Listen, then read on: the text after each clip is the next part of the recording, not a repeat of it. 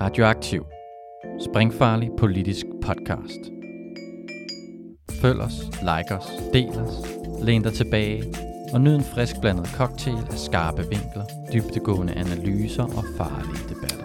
Velkommen til Radioaktiv. Mit navn er Søren Nørgaard, og jeg sidder her sammen med Louise Andresen og er klar til at tage med videre i øh, vores dækning af overenskomstforhandlingerne i 2024. Yes, og vi er kommet til tredje afsnit af vores øh, podcast-serie her om de offentlige overenskomstforhandlinger, og øh, vi har inviteret Susanne med øh, i det her afsnit, som er socialrådgiver og som arbejder i 3F Frederiksborg til daglig, men som også er meget aktiv i Dansk Socialrådgiverforening, og også en af initiativtagerne bag det her med Stop 19 68, eller hvad hedder hashtagget? Slut med 1969, ja. ja. Det er lidt pinligt, at historiker så jeg burde vide det. Men ja, whatever. Det er okay. Øhm, vil du komme øh, lidt mere ind på, hvad du sådan kan sige om dig selv ud over det? Hvad jeg skal sige mig selv om ud over det? Jamen altså, jeg er socialrådgiver, har været det en del år, men som du også siger, jeg er ret faglig aktiv og sidder i hovedbestyrelsen den socialrådgiverforening, sidder også regionsbestyrelsen og har også ret meget fokus på dem overenskomstforhandlinger. Jeg synes, det er sindssygt spændende, både for faget, for lønnen. Jeg er også gammel til jer. Så ja, skal jeg sige andet? ikke mere end, Nej. hvad du lige øh, tænker. Så er du også den første kvinde øh, i vores podcast-serie. Meget vigtigt. Øh, det har været sjovt at have to mænd i traditionelle kvindefag, så det er godt at komme omkring nogle andre fag også, ja. øh, så vi har en lidt bedre repræsentation. Ikke? Ja, men altså, der er jo kommet øh, den her aftale på det statslige område øh, i går. Kan du sige, hvad du sådan tænker umiddelbart om det? Altså, jeg har ikke haft tid til at nørde helt ned i den, men øhm, man kan sige, selvfølgelig er man lidt skuffet, fordi de gik jo ind og sagde, at det skulle være to cifrede tal, og nu kommer de ud med 8,8, som varmen jo også forudsag fra starten. Ikke? Så ja, man kan sige, at forventningerne er ikke helt deroppe længere, vel? Altså, jeg tror ikke, vi får det helt vilde, men øhm, vi må lidt vente og se. Altså, ja. Ja. ja. Og hvordan er det nu? Øh, nu kan jeg faktisk ikke engang helt huske det, men der er jo en tilbøjelighed til, at lønstigningssatserne jo ikke bliver kopieret en til en mellem det statslige og det kommunale område, fordi der er forskellige andele af decentrale lønforhandlinger. Jeg kan simpelthen ikke huske, hvordan det er her. Og du må heller ikke spørge mig, for så ved jeg heller ikke. Så det er godt, men, vi sidder her, fordi jeg viden om det. ja, det er... Øh, det, det er ikke godt for, øh, for vores troværdighed, det her. Men, øh, det kan vi klippe ud, eller Ja. Ej, øh, det er helt okay, der er ting, vi ikke, øh, vi ikke alle sammen ved. Men det, er, det vigtige er i hvert fald, at det er ikke det er ikke fordi, at der også kommer til nødvendigvis at stå i 8,8 på, øh, på det kommunale. Men det kommer jo til at være det, der er den forventede, den forventede lønudvikling kommer til at være nogenlunde den samme de to yes. steder. Øh, så er der jo ellers sådan lidt altså, småtteri af den anden, altså øh, i forhold til løn, så hvad er der ellers? Der er også noget, der er en lille lavt lønspulje, lidt mindre end har været de andre år. Mm. Noget med folk i udsatte positioner, det bliver sådan lidt spændende at se, om det er noget, der... Øh, ja, præcis, hvad går det ud på, men det er jo indtil videre bare også. politi, men ikke? Altså. Ja. Det virker som sådan lidt en måde måske at, at kompensere dem, der ikke har fået noget i treparten på ja, en eller anden igen, måde. man kan sige, at fængselsfunktionærerne fik noget. Det var ligesom, at man var udsatte, men kriminalforsorgen ved jeg i hvert fald ret skuffet over, at de ikke fik noget ja. i forhold til treparten. Ikke? Mm. Så det virker som, at man giver sådan nogle små trøstepræmier rundt omkring. Ikke? Jo, ja, det, det, det gør det jo. Øh, så er der jo nogle, øh, nogle ordninger, hvor at der, bliver, øh, der bliver snakket sådan lidt mere omkring øh, nogle, nogle forandringer, hvor at man øh, snakker om det her med mulighed for en, øh, for en opsparingsordning med, mm. øh, med fleksibilitet, ligesom man har fritvalgsordning inde på private. Og det har jo været noget, som det øh, har været en prioritet for lang tid, i lang tid for, øh, for de offentlige forhandlere at få. Øh, hvad, hvad tænker du om det? Altså, er det er det, er det, det gennembrud? Så, øh, hvad kan vi sige? Er det lige så vigtigt, som det virker til, at forhandlerne synes, det er? Altså personligt synes jeg ikke, det er det store gennembrud overhovedet, men, mm. men jeg synes jo, det er meget spændende, at det kommer ind nu. Og jeg har også været med til nogle af de her spil. Vi har lavet sådan nogle overenskomstspil, på 24 spil, som vi ja. altid laver op til overenskomsterne. Og der er jo faktisk flere medlemmer, der synes, at det var ret fedt ligesom at få det ind i overenskomsten. Mm. Ikke? Så jeg tænker, der bliver glade medlemmer rundt omkring. Ja. Ikke? Øhm, så det giver også en vis fleksibilitet, øh, fleksibilitet, men jeg ved ikke, om det er det store gennembrud, absolut. Jeg synes, en interessant ting er, at der, der bliver snakket utrolig meget om den fritvalgsordning i det private og, og i det offentlige osv.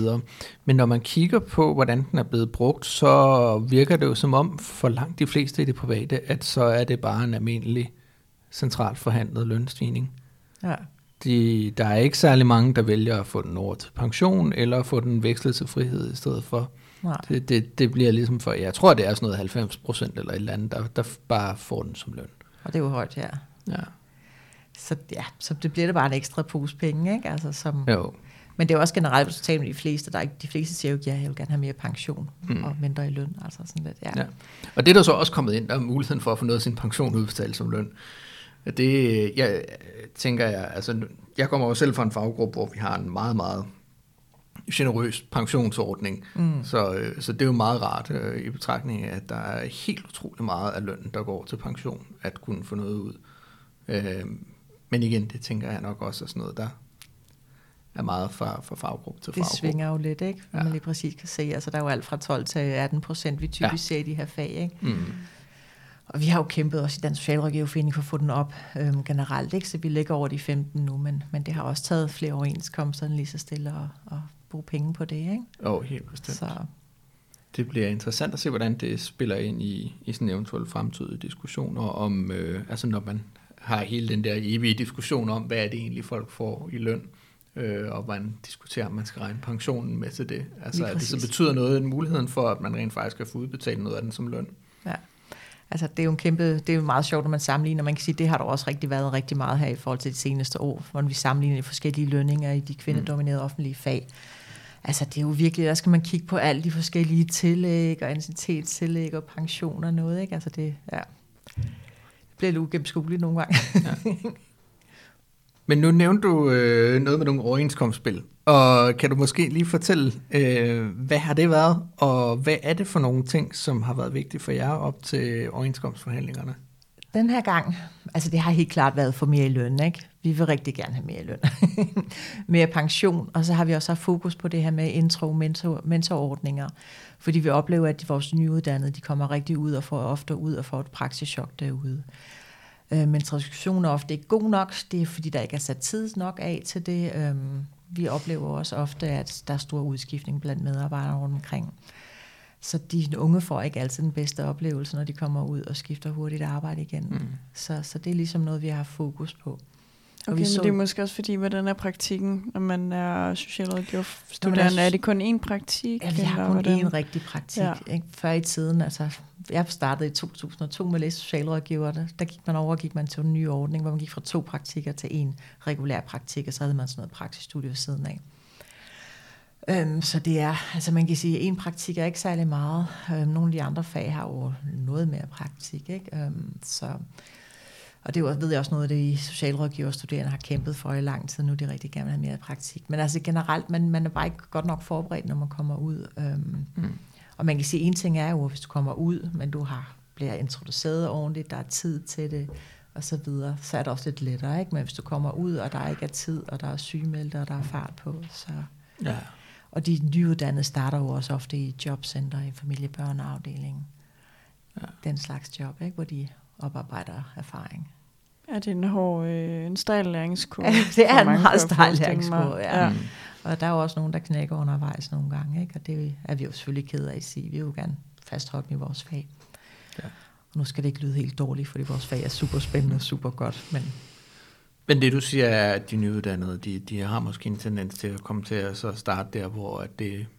Altså, hvor er arbejdspresset mindre- godt kan være hårdt. Ja, Ja. Altså er det, og hvis at det, stor, det, det har en tendens til, at de steder, hvor arbejdspresset er hårdt, det er der, hvor det er sværest at rekruttere til. Så det er der, hvor de nyuddannede kommer til. Fordi det ja, er det, de der, der, der er jo altid der, er- der er et evigt Ja. flow, ikke? Altså Mm. mm. kan man sige. Så Der er ledige stillinger, ikke? der er ledige stillinger, ja. Ja. Ellers så kommer man ind ved et vikariat, og så får man fast ansættelse bagefter ja. eller noget, ikke? Så ja.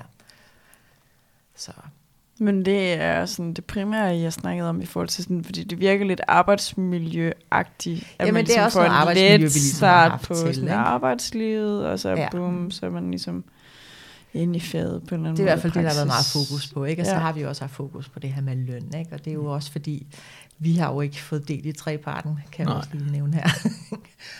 øhm, vi er jo virkelig mange kvindedominerede offentlige fag, som hænger efter i forhold til de mandedominerede offentlige fag. Mm. Og det var jo et forhåbning, vi, håb, altså vi havde håbet i forbindelse med lønstrukturkomiteen sidste år, at man ligesom så ville kigge på, at jamen, så skal vi løfte alle de kvindedominerede offentlige fag. Det blev det desværre ikke til. Der kom fokus på rekruttering, og øhm, så der mente man ikke, at de socialrådgiver hang så meget bagefter, eller var så svært at rekruttere. Øhm, så derfor, ja, så derfor så vi også godt, at vi fik lidt ekstra i løn. Nu har vi jo, ja, apropos ekstra i løn, ikke? altså de sidste to episoder, vi havde, der har vi jo snakket med øh, folk fra, øh, fra nogle faggrupper, som netop øh, er blevet til gode set, eller øh, på papiret. De har i hvert fald været en del af øh, trepartsaftalen, skal vi bare nøjes med at sige det. Ja. Fordi øh, de, de synes jo selv, at øh, de modindrømmelser, som er blevet en del af den trepartsaftale i forhold til øget fleksibilitet og, og den slags, er så meget, at man måske kan overveje, om, om det var det værd. Ja. Øh, og det kan jo måske være, altså, jeg vil jo bare tænke, det er nemt at komme til, til at sidde og overveje den slags, når man har været en del af trepartsaftalen. Men hvordan tænker du på det som en, der repræsenterer en faggruppe, der ikke var med? Øhm. Altså jeg er i hvert fald glad for, at vi ikke blev tvunget til ligesom at have de samme forringelser i forhold til seniordage og alt ja. det andet, der ligesom var. Ikke? Øhm, men jeg synes jo også, det er super ærgerligt, at man siger, at vi skal give, vi give en pose penge. Vi mangler, altså vi skal kunne mm. rekruttere folk, vi skal gøre det attraktivt, og samtidig så piller man en hel masse dårligt fra. Så den der pose penge kommer bare med mange modkrav. Ikke? Og man kan sige, vi andre er jo tredje, vi har også truffet af det via den der sammenkædning. Mm. Øhm, ja. så, så det var ikke, fordi vi er gået helt ramt forbi, vel? Er de der seniordage, de er faktisk ikke alle faggrupper? Nej, jeg har ikke helt styr på, om, hvor mange af faggrupperne, men i hvert fald, altså sådan, jeg mener dem, der får noget. Men man kan sige, selv i de mm. faggrupper, der, hvor de ligesom får penge, så er det jo heller ikke alle faggrupper, altså hvad hedder det, alle deres forskellige, hvad hedder det, variationer af Ej. ansættelser, hvor de får. Ikke? Der er jo nogle steder, hvor sygeplejerskerne i kommunerne for eksempel ikke får. Ja, det er kun dem, der arbejder på sygeplejer, øh, sygeplejersker, der I, arbejder på i regionen, ikke? Øh, i regionen. regionen lige præcis. På og, typisk. Ja. ja. Det kan jeg godt huske, Thomas han, øh, ja. var meget ops på, at det er altså ikke, øh, det er ikke, ikke alle. alle sygeplejersker, der ligesom klapper, fordi alle får ikke noget. Ja. ja. Så det skal man også tage med. Ikke? Mm. Så ja, spørgsmålet er, om det har været en ja. dyr, dyr omgang. På. Men er du, er du misundelig på dem? Eller? Nej, altså jeg, jeg under dem det, og det er rigtig ja. vigtigt at sige. Jeg under dem det, og især pædagogerne var jo dem, der hængte længst bagefter. Ikke? Mm. Så de var selvfølgelig de første, der skulle have, altså der er jo ikke noget der. Så det er, også, altså det er også vigtigt for os at sige hele tiden, vi er ikke misundelige, det er ikke fordi I kan fortjene det, slet ikke. Ja. Men vi vil også gerne have haft noget. Fordi mange af de der ting, man har sagt med, at der er svært, det er svært at rekruttere, det er et hårdt arbejde og alt muligt andet, jamen det kan vi også sige om vores fag. Mm. Så. Men har det skabt nogle gnidninger imellem Altså fordi man kan sige, det er meget smart inden nogle overenskomstforhandlinger, ligesom sige, okay, så indkalder vi nogle parter til trepartsforhandlingerne, og så kan vi forhandle overenskomsterne efterfølgende. Så man ligesom siger, okay, så spiller man nogen ud mod hinanden. Altså ja. har man kunne mærke det her sådan efterfølgende, jeg efter at trepartsaftalen ligesom er jeg synes ikke, plads?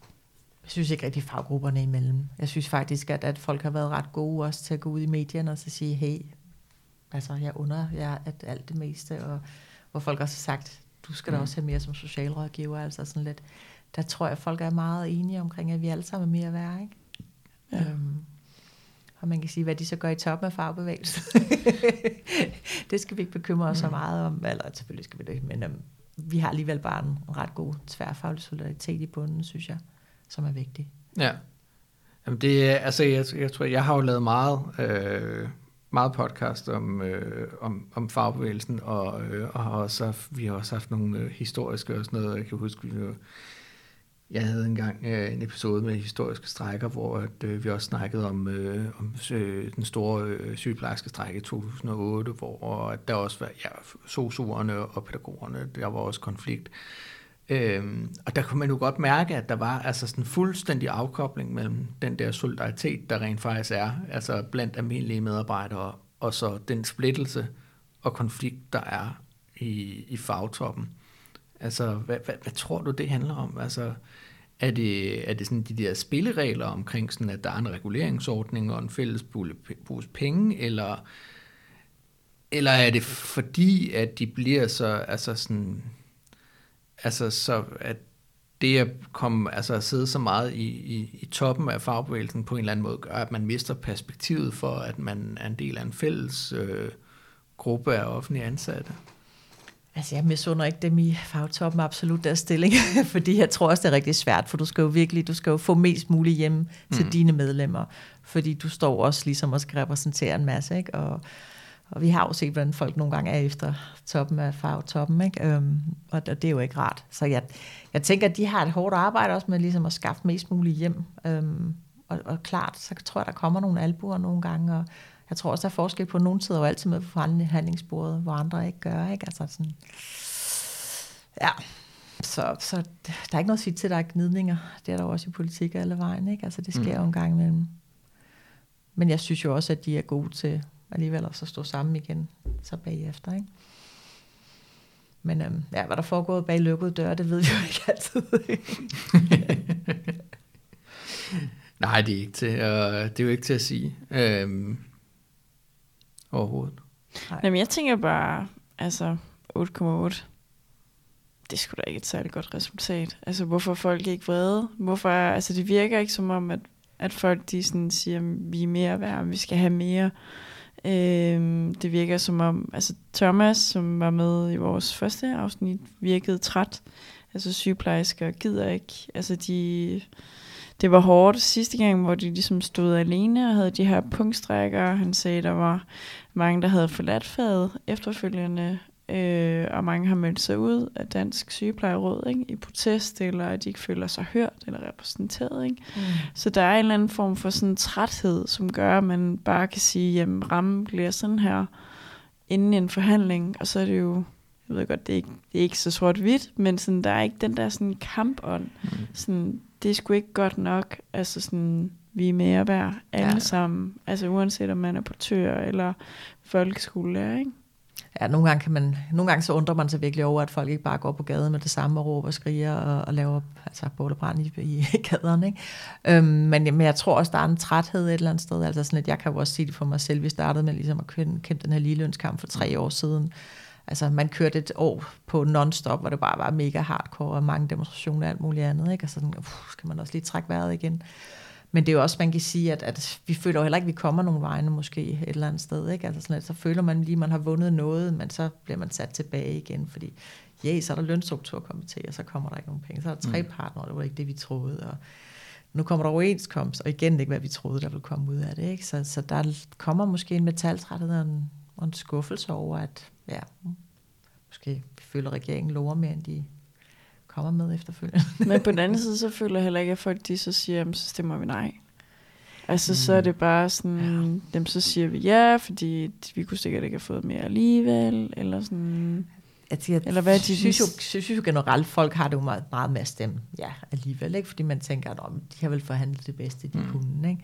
Og jeg tror også, der er fag som sygeplejerskerne. Jeg tror også, at det her med, at de har jo alligevel også afbetalt, altså betalt en del til strækken, og skulle gøre det igen nu, gør dem nok også ret træt. Ikke? Øhm, mm. og jeg tror også med den her sammenkædning, så, så, så ser jeg det heller ikke ske. Ja. Altså så skal det altså virkelig være en kæmpe bevægelse, hvis der er så mange, der stemmer nej. Øhm, og igen, hvad sker der så? Ser ja. vi så det samme, der er sket med sygeplejersken, strækken, med lærerstrækken, eller lærerlockouten? Mm. Men jeg tænker, noget man jo også må sige, at der normalt gør det offentlige lidt anderledes, det er, at øh, jeg kan sige, hvor, hvor at forhandlerne i det private ligesom bare en gang i 80'erne har givet op på det der med konflikt. Altså, der er de jo, de er jo nået til et forlig hver gang. Altså 85 er sidste gang, eller sådan noget, at der, det ikke kunne lykkes dem at lande en aftale. Så sker det jo med jævne mellemrum, at forhandlerne på det offentlige område, de ikke siger, at vi kan ikke, vi kan ikke nægte til det her, så tager vi en konflikt i stedet for. Mm. Øh, enten ikke, det er ikke sket samlet set, men det er sket for forskellige delområder, og det var tæt på at ske i 2018, at, øh, at det skete samlet. Øh, så det er jo også lige så meget et spørgsmål om, at der måske er en eller anden altså kampgejst i toppen af fagbevægelsen, der er forsvundet, altså som har eksisteret. der har jo været nogle mennesker, som har sagt, vi vil hellere tage konflikten, end vi vil, end vi vil overgive os. Ikke? Altså, mm. Man kan også sige, det, det er jo... Altså, hvis, hvis, hvis man skal sige, øh, sige noget positivt øh, omkring, øh, omkring lærerlockouten i 2013, så var det da, at altså, lærerne sagde ikke ja. Altså, de, de sagde nej til den aftale. Mm. Øh, I modsætning til, jeg, jeg tror, gymnasielærerne sagde ja til noget lignende, uden, øh, uden at tage nogen konflikt.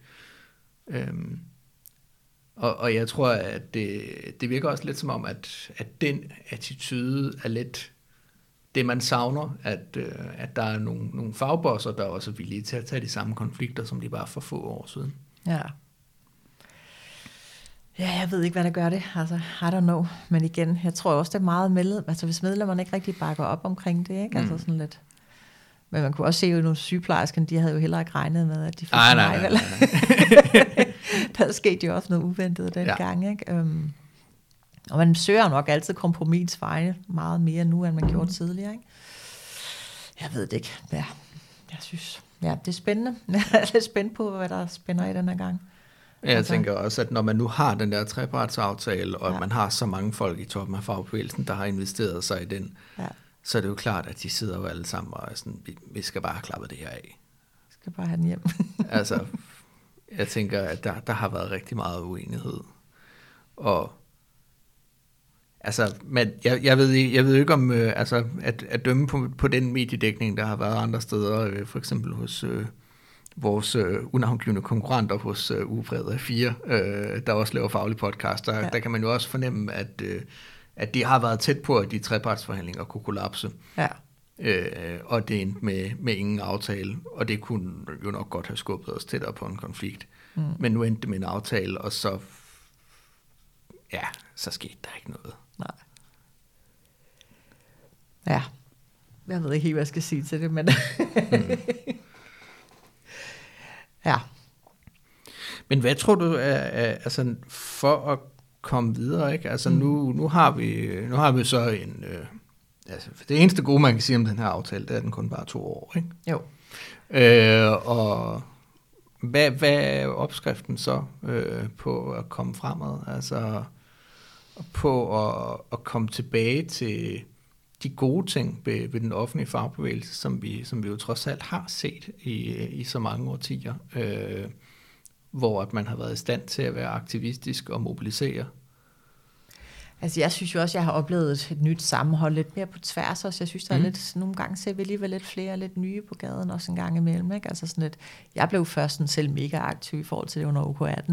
Øhm, men jeg kan da se, der, der bliver jo alligevel mere og mere samling også, ikke? Og man kan sige, at i forhold til hele det her ligelønsproblematik, der fik vi jo også flere på gaden. Jeg synes, der har vi alligevel en ret stærk solidaritet, ikke? Mm. Øhm, men, men vi står jo også det her med, at vi mister medlemmer i alle fagforeninger, ikke? Altså, det er jo også et problem. Øhm, folk er meget what's in it for me, og ikke altid så, så fællesskabsbaseret. Så, så der er ligesom den der modsætning, ikke? Der er både det er meget fællesskabssøgende, men, ja. men også det der meget individorienteret, ikke?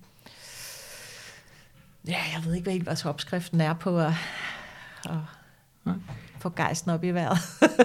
altså man kan sige, det betyder i hvert fald, at, at, at der er overenskomstforhandlinger hvert år, ikke? Eller sådan, fordi at de private skal forhandle i næste år i 25, mm. og så skal I så forhandle formentlig altså året efter i 26, ikke? Så det ja. er sådan en... Ja, ja, man er hele tiden på, Man er ikke? hele tiden mm. på på en eller anden måde, fordi ja. egentlig så så burde det private jo støtte det offentlige, og det offentlige det private, ikke? Fordi ja. når det går godt i det private, så er der også altså, mm. så er der mere at forhandle om på det offentlige, ikke? Jo. Øhm, så det er jo også på en eller anden måde en kamporganisation, der burde være der, men jo som ikke rigtig altså, har været her i år i hvert fald, ja. og der var en eller anden sådan stemning af, at sidste år på det private kunne der ligesom være en stor konflikt, og den her store konflikt kom bare aldrig. Nej. Og det endte aldrig i sådan rigtig forlisinstitutionen. Så, så det var sådan lidt, Nå, det er da en meget god aftale. Det, det må vi overveje ja til, ikke? Ja. Øhm. Men jeg tror også, at organisationer bliver trætte, altså når man kører de der toårige overenskomster, fordi mm. så er der rigtig meget forberedelsesarbejde op til overenskomsten, og så skal du bag så formidle, hvad gik den her overenskomst ud på, implementere det og alt muligt andet, ikke? Altså sådan lidt, så med de der korte overenskomstperioder, så ja. Mm. det kræver lidt flere ressourcer ikke? i de forskellige fagforeninger. Ja, øhm, så, øh, så der er måske, altså der, der er et potentiale, siger du, som man måske ikke altid sådan tænker over, øh, eller en, en, en del af det, man ikke altid tænker over i forhold til det her med, med overenskomstperiodens længde, at, øh, at det at have en, en kort overenskomstperiode betyder, at det betyder... selve overenskomstprocessen trækker enormt mange kræfter ud af fagbevægelsen. Ja, det tænker jeg helt klart. Altså man kan sige, nogle gange kan det jo godt være godt det der med det kort, mm. ikke? så kan man hurtigere forhandle noget nyt, men, mm. men det er jo problematisk. Altså ja. sådan hele tiden at være forberedende, og så, og så forberede igen. Ikke? Mm. Øhm, og der synes jeg også, det var spændende det her med, at man skulle se på i forhold til den her nye overenskomst.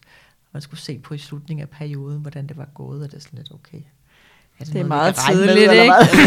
ja, man, man har lagt kan vi regne med, at vi får noget ekstra? ja, sådan en mellem, mellemforhandling ind uh, der i, i, i slutningen af 25, hvor man skal se på, om, uh, om man følger det private. Og sådan, det, det, det er også lidt spøjst, konstruktion, ikke? Ja. Altså.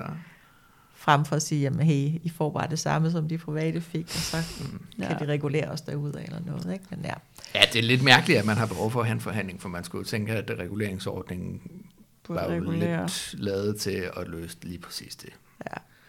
Men, øh, så det er lidt pudsigt. Ja. Så jeg synes også, det har været pudsigt at sige, at de fleste kom jo bare ud af lovpris, og så var der lige Camilla Gregersen, der lige havde den ene twist, der hun ikke lige var helt tilfreds med. Hvad var det, hun var utilfreds med? Åh, oh, jeg kan ikke huske det, men der var noget, hun sådan, at det var, hun, det var i hvert fald lige noget, og det skulle de lige arbejde videre med. Ja, okay. Men det er måske også det, der har været sådan problemet, at der, har ikke, der er måske ikke lige så mange tisler, som man kan være super over, mm. eller vred over. Altså sådan, så kan man altid diskutere, hvordan satsen ja. skulle være, om den skulle være 9 eller 10 eller mm. 10,5 eller whatever, ikke? Mm. Altså sådan... Man kan måske sige det, fordi alle tislerne, de ligger i treparten. Ja. Det ved jeg ikke, om de gør. Nej, men altså, at der, der er mange der er fald lige løn. der er mange af, af, hvad kan vi sige, altså, hvis vi tænker tisler som noget, der sådan aktivt gør tingene værre, end det er nu, ikke? Altså, og ikke som ting, man ikke har fået opnået. For jeg tror lidt, det er sådan den psykologiske påvirkning, det, der, der er, ikke? Altså folk, folk opfatter det ikke sådan helt på samme måde som forringelse, at nå, der var endnu et år, hvor vi ikke fik lige løn. Altså, øh, men mere, at det er sådan, nå, nu har de gjort noget nyt, som er værre. Øh, og, og der tror jeg, at de ting, der er nye, som er træls, mm. de ligger overvejende i trepartsaftalen, hvor at arbejdsgiveren har fået nogle indrømmelser, som de, altså på nogle krav, de aldrig ville turde stille mm. i en mm. normal overenskomstforhandling. Nej. Så godt nok afgrænset til nogle bestemte faggrupper, men stadigvæk. Og så kan de godt tillade sig bagefter at sige, okay, jamen, så kan I godt få nogle andre ting. Mm. I selve overenskomstforhandlingen til gengæld, og så er lønstigningsprocenten ikke så høj. Men igen, altså 8,8 procent, det, det lyder også penge på en eller anden måde. Ikke? Det, det lyder og, meget pænt, men, um, ja. men bare ikke, hvad man havde forventet, eller hvad man gik ind mm. som et krav med. Ikke? Så, ja. Så, så jeg tror lidt, det er, det er fordi, de har haft en mulighed for det. Det vil, det vil i hvert fald være den måde, jeg tænker det på. Men jeg tænker, at de kommunale bliver lidt, altså, jeg er meget spændt på de kommunale forhandlinger nu, ja. fordi altså, der er lidt mere gods end med staten. Ikke? vi har ikke så mange i hvert fald på det statslige område. Øh, Nej. Men langt flere på det kommunale, ikke? så ja. der, der bliver vi lidt spændt på, at det bliver. Sådan er det jo for de fleste, ja. ja. Det er jo, øh, det er jo i kommunerne, at det, øh, det virkelige arbejde sker. Men, siger Søren, der arbejder i kommunen. ja, ja, altså jeg forstår ikke, hvorfor det ikke er os, der har øh, gennembrudsforlidet. Altså, det er der, folk rent faktisk arbejder. Det må du arbejde på så. ja. Men... Øh, ej, det bliver... Ja, men altså, jeg tænker sådan, hvad er, altså sådan, hvad er planen? Ligesom nu er der kommet der gennembrudsforlig, altså, nu håber vi snart, at de bliver færdige i KL, så der ligesom kommer noget kommunalt, og så er der noget med, med regionerne til sidst, mm. ikke? Altså sådan rosin i pølseenden. Og så, hvad så, er der nogen sådan kampagne for eller imod, som der nogle gange er på det private, at man ligesom mobiliserer et nej, eller altså sådan, ikke, hvad... Hmm. Indtil videre ikke noget, jeg har hørt om i hvert fald, nej. Mm. Øhm, og det bliver også lidt spændende at se, altså sådan lidt... Jeg tror ikke, der er de store bevægelser for det ene eller andet. Nej. Ikke meget bekendt, men, men der, jeg ved, der er folk, der er utilfredse derude, ikke? Mm. Men jeg tror også, vi har en stor bunke folk, der måske også bare stemmer ja til det, fordi kan vi få noget, der er bedre? Ja. I det hele taget, ikke? Jeg kom øh, til at tænke på, nu du nævnte det her med øh, udfordringen omkring medlemmer i øh, den offentlige fagbevægelse. Mm. Og øh, altså på en måde er det jo, det er jo en gammelkendt problematik for den fag, fagbevægelsen helt generelt, men det plejer jo ikke at være noget, der er så udbredt i det offentlige, Nej. som det er i det private. Øhm, altså kan du prøve at, at få, få folde det lidt mere ud, fordi at, øh, det har også været lidt et tema for, for vores andre gæster, Mm. og, og jeg synes, det er lidt, øh, lidt overraskende øh, at høre om. Ja.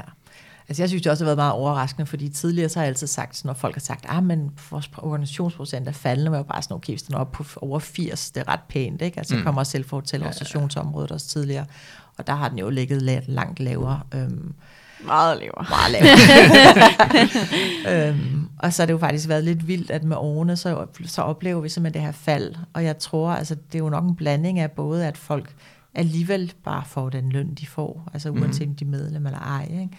Og man har måske også syntes, at man er godt dækket, og man ligesom ikke har brug for fagforeningens hjælp. Man ser heller ikke altid, ja, det er ikke alle, der har den store faglige stærke identitet på samme måde, tror jeg, i det der med den fagforening, og man ligesom har et fællesskab der. Men det er jo sjovt, fordi jeg er meget i en meget fagspecifik fagforening kontra ja. nogle af de store, mm. altså gamle LO-forbund, altså 3F og HK og måske Dansk Metal og måske mm-hmm. og FOA, ikke? Altså Mm. sådan, der er det virkelig, altså Dansk Socialrådgiverforening, ikke? Ja, altså sådan, er- du skal have en uddannelse, du skal have en profession for ligesom, Ja. der er meget identitet. Det er der, ja, men, men der er også altså sådan et, det er bare ikke alle, der så nørder faget måske lige så meget, vel? Altså, Ja. der er jo også store forskelle, og det vil der jo også være inden for hotel- og restaurationsbranchen, whatever. Men vi har også, altså, man har også lavet forskellige undersøgelser, og folk cykler også mere, altså sådan lidt ind og ud Ja. af fagforeningen, end, end man måske gjorde tidligere. Ikke? Der meldte du dig ind, og så forblev du medlem. Ikke? Og nu kan vi godt opleve, at folk måske er medlem, så melder det sig ud af forskellige årsager, om det så er sygdom, arbejdsløshed. Det kan også være, at de lige pludselig skifter branche en overgang, og så måske ikke synes, at fagforeningen er så relevant og interessant længere. Ikke? Øhm, eller har en dårlig TR, det kan også få folk til at melde sig ud nogle gange. Ikke? Øhm, Hvis jeg lige må udfordre lidt på det der mm. med den faglige øh, stolthed, ikke fordi jeg vil anfægte jeres faglige stolthed, men mere, øh, altså jeg arbejder jo selv øh, op af, af mange øh, socialrådgivere, øh, fordi jeg arbejder inden for beskæftigelsesområdet øh, som, som djøffer, øh, og er også øh, selv tillidsrepræsentant. Og jeg, men jeg kan jo se en meget, meget, meget, meget faglig, fuldstændig blandet øh, medarbejderskare.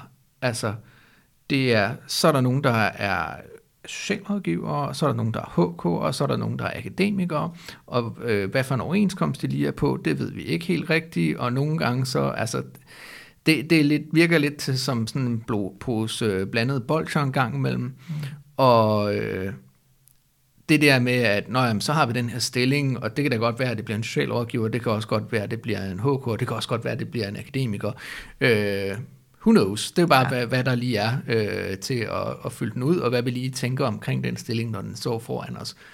Og jeg tror, at den form for sådan faglig fleksibilitet, måske er noget nyt nogle steder i den offentlige sektor, som har fyldt mere tidligere, altså som jeg har kendt lang tid i det private, og som er begyndt at fylde mere i det offentlige, at, at man kan ikke længere regne med, at det her det er et socialrådgiverjob, som bliver varetaget af en socialrådgiver og sådan noget. Og det mm. betyder jo også noget for folks måde at tænke fagforening på. Ikke? Øhm, altså, jeg har jo også øh, medlemmer øh, på mit arbejde, som arbejder på en HK-overenskomst, mm. og som er akademikere, og som så vil de gerne have, øh, så vil de jo gerne arbejde efter, at de kommer over på akademikeroverenskomsten eller et eller andet. Deres faglige identitet er måske faktisk slet ikke den samme som den overenskomst, den, som mm. de arbejder under. Ja, og man kan sige, det er jo også lidt pudsigt, pudsigt for os. Ikke? Altså man kan sige, der er nogle afdelinger, hvor man lægger meget vægt på, at det skal være en socialrådgiver. Men der har jo også været steder, hvor de ligesom, så har der været problemer med at skaffe personale, og så er man begyndt at ansætte alle mulige med en anden baggrund. Ikke? Og man kan sige, det er jo ikke, fordi jeg siger, at man kun er god som en socialrådgiver, men vi, vi har trods alt taget en, en længere uddannelse for at bestride det fag. Det samme gælder jo også for socialformidleren, som er HK'er. Øhm, og der er jo også mange andre derude, som sagtens skal være mega dygtige øhm, selvom de ikke har vores baggrund. Men stadigvæk, man kan sige, der er jo en grund til, at vi har taget den uddannelse, og vi har noget special viden. Ikke? Men er det så sådan, at hvis man arbejder inden for feltet, Mm. altså kan man ikke være medlem hos jer, eller hvordan? Altså hvis man nu er uddannet akademiker, men egentlig har et socialrådgiverjob. Ja, så, så kan man ikke bare være socialrådgiver. Nej. Nej, Eller hvad hedder det? Nej men jeg mener medlem. Socialrådgiverforening, Nej, okay. Man kan sige, det at være socialrådgiver er heller ikke en beskyttet titel. Man Mm. kan jo bare rent faktisk bare sige, at man er socialrådgiver uden at være. Hvilket også lidt pudsigt. Ja. Så Mit indtryk er også, at der altså det er bare noget, jeg tager ud af røven, men at der også er blevet flere socialrådgiver, der bliver selvstændige. de er i hvert fald, jeg tænker, de fylder mere i medierne, end de Okay. gjorde tidligere. Ikke? Ja. Øhm, Men, men det er jo også, altså det er jo en ærgerlig tendens, vil jeg sige, fordi folk skulle helst ikke skulle gå til andre for at betale sig til, til noget kvalificeret hjælp. Ikke? Og man kan sige, nogle af de historier, vi ser i medierne, er selvfølgelig forfærdelige, og det er jo, altså, der er jo alt muligt, der er gået galt. Øhm, og nogle ærgerlige historier, som aldrig skulle være sket. Ikke? Men det skal jo heller ikke være sådan, at det kun er dem, der lige har penge til det, eller folk skal skrabe rundt og, og få penge til at få ekstra hjælp. Ikke? Altså, og man kan sige, at problemet er også bare, at, at der bliver lavet rigtig meget godt socialt arbejde. Det er bare ikke det, vi hører med avisen, men, men vi hører om alle de grumme historier. Men de skal selvfølgelig heller ikke være der. Altså. Øhm, så ja, men, men det er lidt en uheldig tendens selvfølgelig, at, at vi ser de sager i medierne. Ikke? Og nu arbejder jeg også selv i en fagforening, hvor jeg ligesom selv ofte er bisidder og hjælper folk. Og mange sager er også fine. Altså der får de den hjælp, de skal have, og nogle gange så går det så galt. Og så er det så der, vi ligesom kan være den hjælp, hjælpende hånd. Ikke? Og man kan sige, det er jo fedt at kunne sidde som, og, som, og give den service som fagforening. Ikke? Så, så det er endnu et gode medlem. Men kan der så være noget i forhold til den faldende organiseringsgrad generelt inden for den offentlige fagbevægelse, fordi at den danske model bare ikke fungerer på det offentlige område længere, eller arbejdsmarkedet inden for det offentlige har ændret sig? Altså at man skal prøve at, at hvad kan man sige, modernisere øh, måden, man forhandler på, eller så- altså har du nogle sådan perspektiver på det? Uh, Altså det her med, at man i princippet, altså sådan, man forhandler med inden for staten, øh, Mhm. det kommunale og det regionale, men man har kun den her sådan pulje af der. penge, og ramme. det der med, at et lovindgreb er i virkeligheden også arbejdsgiver samtidig, ikke? Altså Mm. det er sådan biased. Ja, der er i hvert fald snakket om, at den danske model måske ikke helt fungerer på det offentlige, fordi man ligesom er så, så låst af både rammen, og så også i forhold til, jamen fint, så kan du strække eller blive lockoutet, og så går der kun et vist stykke tid, og så, så kommer der et lovindgreb. Ikke? Men jeg ved ikke, hvor meget det betyder for enkelte medlem. Det tror jeg ikke betyder så meget. Altså, det tror jeg, det er mere for, for os nørder, der ligesom går lidt mere op i det. Ikke? Det tror jeg ikke, det er enkelte medlem, men jeg tror bare, det er bare en, ja, det er jo et eller andet sted bare en tendens, at man synes, det er mange penge. Der er også mange, der siger, ikke? De synes, det er mange penge, men igen, hvis man kigger på den service, man så får, altså, det er jo igen den der forsikring, man håber, man aldrig får brug for, ikke? Øhm, men der er jo også en hel masse tilbud, som folk heller ikke benytter sig af nogle gange måske. Fordi lige præcis en faglig sekretær, der kan hjælpe dig, hvis du bliver fyret, eller en socialrådgiver, der kan hjælpe dig, hvis du kommer ud for en arbejdsskade eller andet, ikke? Nej, men jeg tænker også bare, for nu nævnte du selv hotel og restauration, ikke? Altså Mm. der er en lav organiseringsgrad, men der er også en lav overenskomstdækning. Ja. Så det betyder også, at der er meget stor forskel på, om du arbejder et sted, der har overenskomst, og et sted, der ikke har overenskomst. Mm. Og det er jo det, der er meget stor forskel på det offentlige og på det private, på de, fordi på det offentlige er der typisk en overenskomst. Mm. Så som du også selv siger, man kan ikke mærke den store forskel, fordi alle får ligesom gavn af den samme aftale. Ja. Øhm, Ja, jeg tænker, altså på det private område ved jeg slet ikke, hvor mange procent vi sådan er dækket i forhold til overenskomster, ikke? men der er jo mange, der læner sig op af de offentlige overenskomster, eller giver mere, ikke? Så, så der er man jo ofte godt dækket ind. Øhm, men ja, jeg ved ikke helt, ja. Hvis vi, hvis vi havde den kode, så tror jeg, vi ville blive rige. ja, men det tror jeg, I forhold til at knække den der fagforeningskode, ikke? Altså Ja. sådan lidt, fordi det er jo i gang alle vegne, og alle i gang med at omstrukturere og finde på nye modeller og tiltag, ikke? Um, vi bliver nødt til at knække koden på en eller anden måde. Helt sikkert. Her til sidst, altså sådan, nu er du også meget aktiv i den her ligelønsbevægelse. Hvad er ligesom, fordi du nævnte selv tidligere det her med, at lønstrukturkomiteen ligesom kom, så døde det lidt, eller sådan, hvordan, hvad er ligesom, når de her overenskomstforhandlinger slutter her om et par måneder, vel? Ja. Altså, hvad er ligesom planen? Skal der, skal der gang i det igen, eller hvad det, altså? altså? lige nu er vi jo også lige præcis noget afvend i forhold, til OK24, ikke? men det er jo stadigvæk vigtigt at blive ved med et talesæt. Hvad med ligeløn? Altså, vi hænger stadigvæk efter. Det kan være, I snakker rekruttering, men vi har stadigvæk et ligelønsproblem. Øhm, og det vil vi stadigvæk holde fast i, og jeg tænker, det gør vi også helt sikkert efter OK 24. Altså vi er allerede i gang på at kigge på, om vi skulle lave nogle konferencer senere på året. Ikke? Fordi vi bliver nødt til at kigge på de pointer, der faktisk kom frem i lønstrukturkomiteen. At der er et kæmpe løn efterslæb, og at det er altså kønsbaseret. Ikke? Så det kan vi ikke komme udenom. Så det bliver de nødt til at forholde sig til på et eller andet tidspunkt. Altså, vi oplever også bare, at folk siver fra de kvindedominerede fag over i de mandedominerede fag, og det er jo ikke det, vi har brug for. Mm. Altså, vi har rekrutteringsudfordringer generelt i den offentlige sektor i de kvindedominerede fag, ikke? det bliver vi simpelthen nødt til at gøre noget ved. Øhm, og det må regeringen også komme på banen. Altså, jeg har jo en drøm om, at ligestillingsministeren kommer lidt på banen i forhold til det. Jeg synes, det var ret spændende, at for eksempel kvindefå ligesom sætter lidt mere fokus på, hvordan får vi mænd ind i de kvindedominerede fag. Ikke? Ja, for det man også typisk ser det, er, når der er mænd, der kommer i kvindedominerede fag, så stiger lønnen, ja. og når det er omvendt, så så falder den rent falder faktisk. Den, eller stagnerer, ligesom det var med malerfaget, ikke? at der kom flere kvinder ind, og så dalede lønnen faktisk. Øhm, så den der gode idé, Peter Hummelgaard havde til en høring omkring, at vi skal bare have flere kvinder ind i mændefagen, det, løser jo problemet. Mm. Altså. Ja, det er strukturelt. Ja, ja. det er strukturelt, og hvis vi skal redde vores samfund og vores velfærdssamfund, så bliver vi nødt til at gøre noget mere. Ikke? Helt sikkert. Jamen, skal kroner øhm, i kassen. ja, det skal flere penge i kassen, ikke? og det skal fordeles mere ligeligt. Jamen, tusind tak, uh, Susanne, fordi du vil uh, bruge uh, din uh, tirsdag eftermiddag her hos os. Og uh, tusind tak til jer, der lyttede med. Oh